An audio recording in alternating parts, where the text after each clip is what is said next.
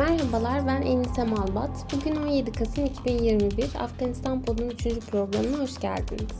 Önceki yayınımızda Afganistan'ın tarihsel gelişimine bir giriş yaparak günümüz Afganistan devletinin bağımsızlığının ilan edildiği 1919 yılına kadarki süreci incelemiştik. Bugün ise modern Afganistan devleti tarihinin ilk dönemini, ülkenin altın çağı olarak hafızalara kazınan yıllarını ve Sovyetler Birliği'nin Afganistan'ı işgal etmesiyle sonuçlanan süreci mercek altına alacağız. Birçok noktada Türkiye ile benzerlikler gösteren, hatta bazı noktalarda Türkiye ile kesişen Afganistan modernleşme tarihinin temelleri, Afgan milliyetçiliğinin de yükselmeye başladığı 1900'lü yılların başlarında Kral Habibullah Han döneminde atıldı. Bu dönemde ortaya çıkan genç Afganlar olarak adlandırılan bir grup entelektüel, Afganistan yönetiminin İngiliz etkisinden çıkarılması ve ülkenin modernizasyonuna dair fikirler üretmeye başlamıştı. Bu hareketin başını çeken Gazni doğumlu Peştun entelektüel entelektüel Mahmut Terzi, Demir Emir Abdurrahman Han döneminde Afganistan'dan sürgün edilmiş ve Osmanlı Devleti'ne sığınmış bir ailenin çocuğuydu. 35 yaşına kadar Osmanlı'da yaşayan Terzi, Demir Emir'in ölümünden sonra yönetime geçen Habibullah Han'ın davetiyle Afganistan'a geri döndü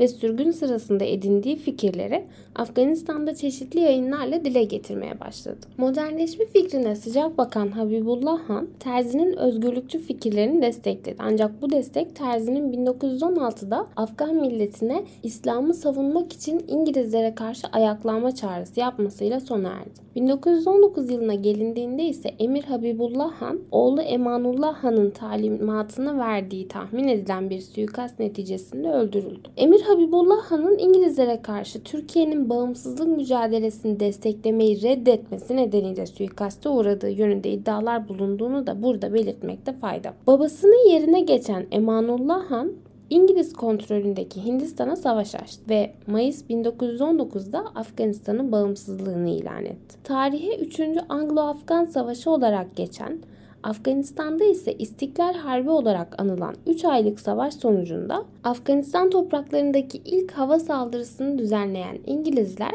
Emanullah Han'ı masaya oturmaya zorladı ve imzalanan anlaşma ile İngiltere Afganistan'ın bağımsızlığını tanımış oldu. Rawalpindi Anlaşması kapsamında Kabil'de İngiliz etkisine neden olan önceki tüm anlaşmalar feshedilirken Emanullah Han bugün bile halen Afganistan ile Pakistan arasında anlaşmazlıklara sebep olan Durant hattını sınır olarak kabul etti. Rawalpindi Anlaşması'nın imzalandığı 19 Ağustos 1919 günü halen daha Afganistan'ın bağımsızlık günü olarak kutlanıyor ve İngiltere ile Rusya arasındaki büyük oyun rekabetinin de sonu olarak görülüyor. Çünkü Emanullah Han liderliğindeki Afganistan aynı zamanda Rusya'daki komünist rejimi resmen tanımış ve Sovyetler Birliği de Afganistan'ı resmen tanıyan ilk devlet olmuştu. Yönetimde olduğu dönem modernleşme politikaları uygulayan Emanullah Han Atatürk'ü rol model olarak olarak benimseyerek 1921'de Afganistan'ın Türkiye Büyük Millet Meclisi'ni tanıyan ikinci ülke olmasını sağladı. Modernleşme politikaları kapsamında bir takım sosyal, ekonomik ve siyasi reformları hayata geçiren Emanullah Han, Afganistan'ın geleneksel izolasyon politikasının dışına çıkmayı hedefleyerek Avrupalı ülkelerle diplomatik ilişkiler kurma girişimlerinde bulundu. Bunda Dışişleri Bakanı olarak görevlendirdiği aynı zamanda kayınpederi olan Mahmut Terzi etkili bir rol aldı.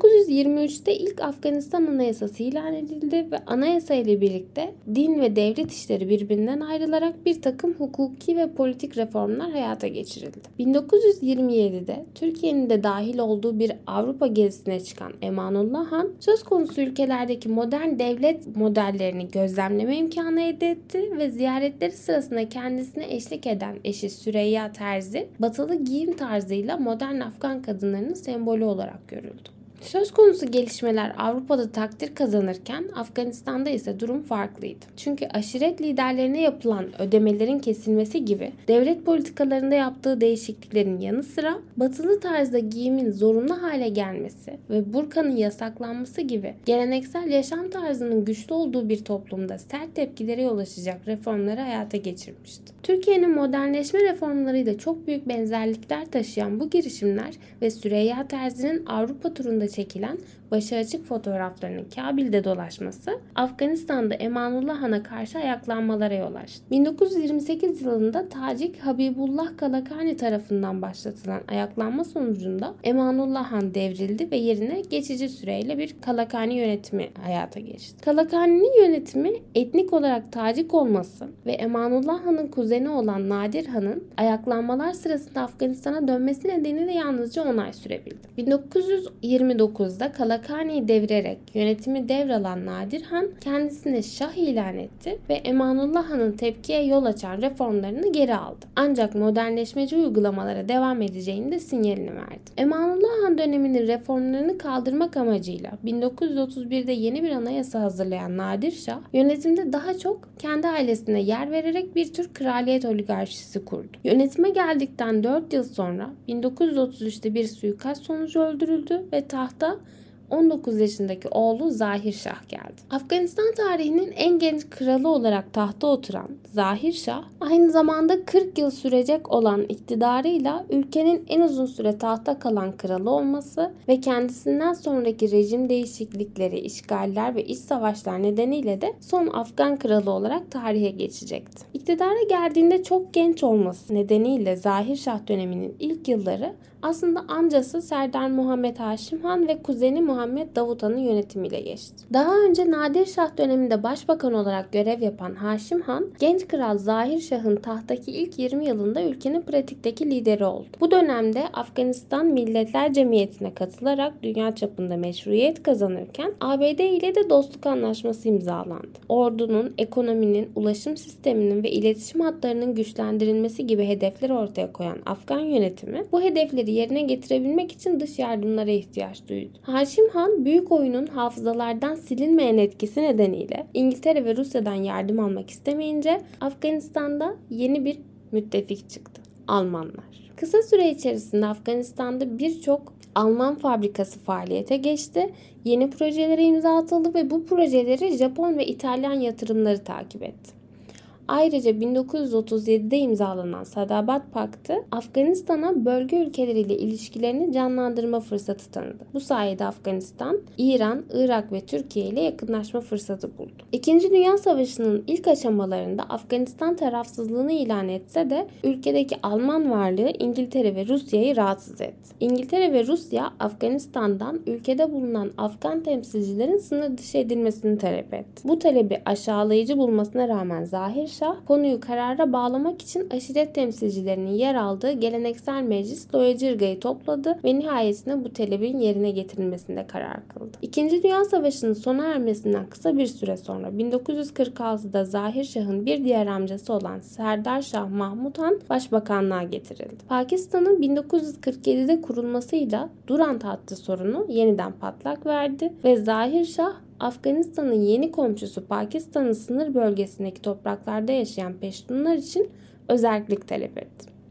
Bu durum Afganistan ile Pakistan arasındaki gerilimin tırmanmasına ve hatta çatışmalar yaşanmasına neden oldu. Söz konusu sınır anlaşmazlığı günümüzde de halen devam ediyor. Söz konusu anlaşmazlık çerçevesinde Afganistan devleti Pakistan ile arasındaki Durant hattının belirlendiği anlaşmanın geçersiz olduğunu savunurken Pakistan ise sınıra ilişkin önceden imzalanan anlaşmaları tanıyarak bu konuyu bir ulusal egemenlik meselesi olarak görüyor. Afganistan tarihinin en sıra dışı dönüşümlerinden birine tanıklık eden Zahir Şah dönemi günümüzde halen Afganistan'ın altın çağı olarak nitelendiriliyor.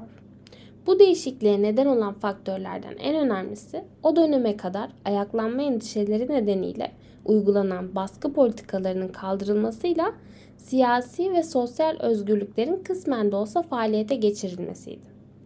Elbette bu özgürleşme döneminde Soğuk Savaş sırasında Afganistan'ın ABD ile yakınlaşması ve ABD'nin Afganistan'ı kendi tarafında tutmak istemesi gibi faktörler de etkili oldu. Liberal bir parlamento hedefine ulaşmak için meclis üyelerinin daha az kontrol edilen bir seçimle seçilmesini isteyen Başbakan Serdar Şah Mahmut, farklı politik grupların temsiliyet kazanmasını Afganistan'ın siyasi çıkarları için gerekli gördü ve yeni siyasi grupların kurulmasını destekledi. Mahmut Han'ın ilan ettiği sınırlı basın özgürlükleri ülkede sol siyasi grupların gelişmesine zemin hazırladı. Uyanış gençliği, halk ve vatan grupları bu dönemde ortaya çıktı. Diğer grupların kısa sürede çok daha büyük bir ilgi gördüğünü fark eden Mahmut, 1951'de siyasi partileri feshetti, öğrenci derneklerini ve gazeteleri kapattırdı. Yeni tedbirler öğrenci hareketlerini ve siyasi grupların yönetime karşı tutumunu sertleştirdi. Sokak gösterileriyle zirveye ulaşan gerginlikler Serdar Şah Mahmud'un 1952'de istifasına sebep oldu. Mahmud'un yerine başbakanlığa getirilen Muhammed Davut Han, Afganistan'da yeni bir dönemin başladığına işaret etti. Çünkü Davut Han böylesi bir mevkiye getirilen, düşünceleri batılı eğitim ile şekillenmiş ilk kişi oldu. Öte yandan Soğuk Savaş'ın devam ettiği yıllarda Davut Han, denge politikası izleyerek ABD'nin yardımlarına zarar vermeyecek şekilde Sovyetler Birliği ile ilişkileri ilerletirken Peştunistan söylemini yeniden ortaya çıkardığı için de Pakistan'da gerginliklerin daha fazla şiddetlenmesine neden oldu. Davut Han yönetime geldikten sonra kendisinden önceki başbakanın görev yıllarında desteklediği sol öğrenci grupları dışındaki herkese siyasi baskıları sürdürürken sol grupların örgütlenme faaliyetlerine ise engel olmadı. Davut Han aynı zamanda modern giyim kuşam konusundaki fikirlerini 1959'da Afganistan'ın 40. Bağımsızlık Günü kutlamaları için düzenlenen törene bakan hanımlarının başörtüsüz gelmelerini isteyerek bir kez daha görünür bir şekilde ortaya serdi. Dini liderler buna sert bir şekilde tepki gösterince Davut Han kendisine tepki gösteren dini liderlerden Kur'an'da başörtüsünü zorunlu kılan ayeti göstermelerini istedi açık bir şekilde başörtüsüne referansta bulunan ayetleri gösteremeyen din adamları hapse atıldı. Peştunistan konusu nedeniyle Pakistan'ın sınırlarını kapatması, kara ülkesi olan Afganistan'ın yeni ticaret yolları aramasını zorunlu hale getirdi. Ne İran'dan ne de ABD'den buna ilişkin bir destek alabilen Davut Han, denge politikasını aşarak Sovyetler Birliği'ne yakınlaştı. Haziran 1955'te yeni bir ticaret anlaşması imzaladığı Sovyetler Birliği'nin başkanı Nikita Khrushchev, Kabil'i ziyaret etti ve Sovyet-Afgan ilişkileri dostluğa evrildi. Bu dostluk Afganistan için Afgan-Sovyet ortak projelerinde kullanılacak 100 milyon dolarlık kalkınma kredisi anlamına geliyordu. ABD Afganistan'ı kendi tarafına çekmek için baskılarda bulunsa da Davutan bu baskılara direnerek ABD ve İngiltere'nin başını çektiği anti-komünist gayretlerin bir parçası olan ve Irak, Türkiye ve İran'ın imzaladığı Bağdat Paktı'na katılmayı reddetti. Bunun sonucunda ABD Afganistan'a yaptığı tüm askeri yardımları durdurdu ve Davutan 25 milyon dolarlık askeri yardım için bir kez daha Sovyetlere sarılmak durumunda kaldı. Bu esnada Sovyetler Afganistan'ın kuzeyinde bugün Özbekistan sınırına yakın bir konumda bulunan Mezar Şerif'te, doğuda ise başkent Kabil yakınlarındaki Bagram'da, batıda da İran sınırına yakın Herat'taki Şindant bölgesinde askeri hava alanları inşa etmeye başladı. 1955'ten sonra Pakistan ile Afganistan arasındaki Peştinistan konusu Afganlara ekonomik sonuçlara mal olmaya başladı. Çünkü Davut Han sınırın Pakistan tarafında yaşayan Peştun aşiret liderlerine İslamabad'a karşı kendi taraflarını çekmek için bir takım ödemeler teklif ederken Pakistan da buna tepki olarak Afgan hükümetinin karşı çıkmasına rağmen sınır bölgesindeki yerel yönetimlerin hepsini feshedip tek bir hükümet altında topladı. 1960'da Davut Han'ın Peştunların yaşadığı toprakları Afganistan'a katmak için askerlerine Pakistan topraklarına girme talimatı vermesi Pakistan için bardağı taşıran son damla oldu ve İslamabad yönetimi Afganistan ile tüm siyasi ve ekonomik ilişkilerini kesti, sınırlarını ticari ve turistik geçişlere kapattı. Muhammed Davut Han'ın Peştunistan politikasının Afganistan'a mal olduğu zararı ve buna dair eleştirileri gören Zahir Şah 1963'te Davut Han'ın istifasını istedi. Davut Han'ın istifası ve onun dönemindeki politikaların terk edilmesi Afganistan'ın iç ve dış politikasında hızlı bir değişim getirdi. Pakistan ile ticari sorunlar çözülürken iç politikadaki değişimlerin anahtarı 1964 Anayasası ile şekillendi. Bugün Taliban'ın da anayasa olarak kabul ettiğini açıkladığı 1964 Anayasası ülkenin dinini İslam olarak belirlerken yalnızca Peştunları değil ülkede yaşayan tüm vatandaşları Afgan olarak tanımladı. Basın özgürlüğü, toplanma ve örgütlenme hürriyeti gibi uygulamaları hayata geçiren anayasa ülkede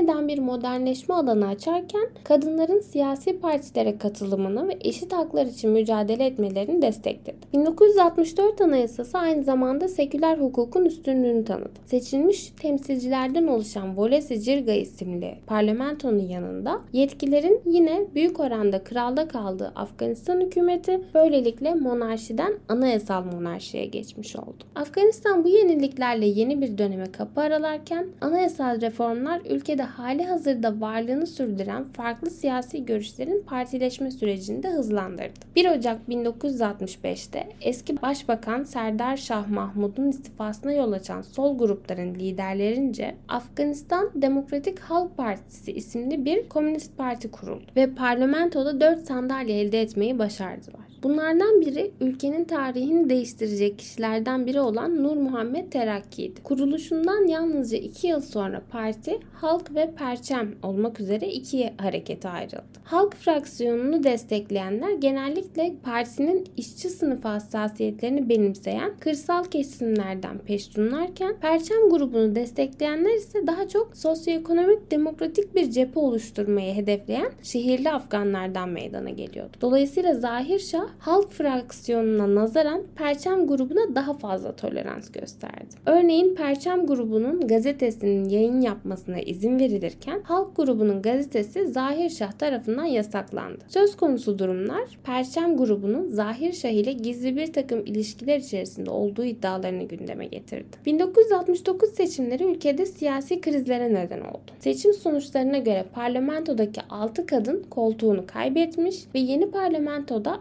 öncekine nazaran daha fazla toprak sahipleri ve iş adamlarının yanı sıra daha fazla peştun olmayan temsilciler yer alıyordu. Bu durum ülkede politik bir istikrarsızlığa neden olurken Zahir Şah'a yönelik eleştiriler ve protestoların da güçlenmesini beraberinde getirdi. Kaos ortamından faydalanan Davutan, komünistlerin de yardımıyla 1973'te gerçekleştirdiği askeri darbeyle Zahir Şah'ı İtalya'ya sürgüne gönderip saltanatı kaldırdı ve yerine cumhuriyeti ilan etti. 1964 Anayasasını yürürlükten kaldıran Davutan, desteğini aldığı Peştun siyasetler için Peştunistan meselesine dair sert politikalarını devam ettirdi. Sovyetler Birliği Afganistan'a yardımlarını sürdürürken Davutan buna karşılık dış politikada Sovyetler yanlısı bir çizgi benimsedi. İçeride ise Sovyet karşıtı hareketleri bastırdı. Davutan'ın sert uygulamaları ülkedeki Sovyet karşıtlığını güçlendirirken silahlı isyanlar meydana gelmeye başladı. Bunlardan en önemlisi de ileride Afgan İç Savaşı'nın aktörlerinden biri olacak Gulbettin Hikmetyer liderliğinde 1975'te gerçekleşti. 1976-1983 ekonomik kalkınma planını ortaya koyan Davutan, Afganistan'ın Sovyetler dışındaki ülkelerden de yardıma ihtiyacı olduğunu anladı. Sovyetlerle muhtemel bir kopuşunun meydana getireceği koşullarda Afganistan'ın diğer ülkelerle hem siyasi hem ekonomik alanda güçlü ilişkilere sahip olması gerektiğini düşünen Davutan, bu nedenle mali yardımlar için Suudi Arabistan, Irak ve Kuveyt gibi petrol zengin ülkelere, askeri destek için Hindistan'a, ekonomik kalkınma projeleri içinse İran'a yüzünü döndü. Davutan'ın kanlı bıçaklı olduğu tek ülke olan Pakistan'la ise ilişkiler 1977'de ABD'nin ara buluculuğuyla düzelme yoluna girdi ve Mart 1978'de Davutan İslamabad'a ziyarette bulundu. Tüm bu girişimlere rağmen Davutan planladığından çok daha az bir ilerleme kaydedebildi ve Afganistan'daki yaşam koşullarına bir iyileşme sağlanamadı. Bu da Peştunistan anlaşmazlığına rağmen Pakistan ile ilişkilerini düzeltmek istediği için Peştun milliyetçilerinin desteğini kaybeden Davutan'ın popülaritesini daha da düşürdü. Üstelik Davutan, Demokratik Halk Partisi'nin hem halk grubunun hem de Perçem grubunun önde gelen isimlerini rejim karşıtı faaliyetlerde bulundukları iddiasıyla tutukladı. Bunun üzerine komünistler karşı saldırıya geçti ve 27 Nisan 1978'de Muhammed Davutan'ın da öldürüldüğü bir darbeyle yönetimi komünistler tamamen ele geçirdiler. Bunun sonucunda halk grubunun öncüsü olan Nur Muhammed Terakki liderliğindeki Demokratik Afganistan Cumhuriyeti ilan edildi. Sovyetlerin arabuluculuğuyla Perçem grubu devrim konseyinde yer alsa da iki grup arasındaki anlaşmazlıklar birkaç ay içerisinde yeniden patlak verdi. Perçem grubunun darbe hazırlığı içerisinde olduğu iddiaları Perçem mensuplarına yönelik tasfiyeleri de beraberinde getirdi. Tasfiyelerden sonra yönetimi tek başına elinde bulunduran halk grubu geleneksel Afgan toplumunun tepkisini çeken toprak reformu, peçe ve burka yasağı, kızlara zorunlu eğitim gibi politikaları hayata geçirerek ayaklanmaların gelişimini hızlandırdı. Marksist kuralların geleneksel kaidelerin yerini alması ve Afgan toplumunun değerlerini hiçe sayan özgürleşme anlayışının bir araya gelmesi halk fraksiyonunun bu politikalarının İslam'a saldırı olarak algılanmasına neden oldu. Ayaklanmaları ve rejim karşıtlığını sert bir şekilde bastırmaya çalışan rejim hain olarak adlandırdığı muhalifleri infaz etti. Bu hainler arasında askeri yetkililerden dini liderlere, eski siyasetçilerden sanatçılara dek çok geniş bir yelpazeden muhalifler yer alıyordu. 1978 darbesinden yalnızca 6 ay sonra AF örgütünün verilerine göre 4000 kişi haklarında hiçbir yargılama yapılmadan Kabil'deki Pule Çarkiye hapishanesinde tutuluyordu ve bu sayı sonraki yıl 12 bine çıkacaktı. Sevr devrimi olarak adlandırılan Nisan 1978 darbesi ile Sovyetlerin Afganistan'ı işgali arasında geçen 18 aylık süreçte Puli Çarki hapishanesinde 27 bin kişi idam edildi. Söz konusu kişilerin aileleri gözaltına alınan yakınlarının nereye götürüldüklerini ya da hangi suçla itham edildiklerini dahi bilmiyordu. Halkın büyük bir çoğunluğunca İslam'a saldırı olarak algılanan reformlar, muhaliflere yönelik yargısız infaz ve baskılar isyanları güçlendirdi. Afganistan'ın önemli din adamlarından Sıbgatullah Müceddidi'nin rejime karşı cihat ilan etmesi ayaklanmaların ülke çapına yayılmasını sağladı. Olayların en büyük yankı uyandırdığı yer Herat oldu. İsyancılar şehirde bulunan Sovyet danışmanlar ve ailelerinden 100 kişiyi öldürdü. Herat'taki çatışmalar yaklaşık bir ay sürdü. Gittikçe güçlenen ayaklanmalara rağmen rejim reformların büyük bir başarıyla uygulanmaya devam ettiği yönünde propagandalar yapıyordu. Ancak Afganistan topraklarının %85'inde ayaklanmaların yaşandığı gerçeğinin farkında olan Sovyet rejimi bu propagandaları inandırıcı bulmadı. Buna ilaveten halk grubunun liderleri arasındaki güç mücadelesi Sovyet yönetiminin içinden çıkamadığı bir noktaya geldi. En nihayetinde Sovyet askerleri 25 Aralık 1979'da Afganistan'ı işgal ederek yönetime Perçem grubunun lideri Babrak Karmal'ı getirdi. Bir sonraki bölümde Afganistan'daki Sovyet işgaline karşı gerçekleştirilen Afgan cihadı dönemini ve sonrasında ülkenin içerisine sürüklendiği iç savaş dönemini incelemeye çalışacağız. Biz dinlediğiniz için çok teşekkür ederim. Sonraki bölümlerde görüşmek üzere.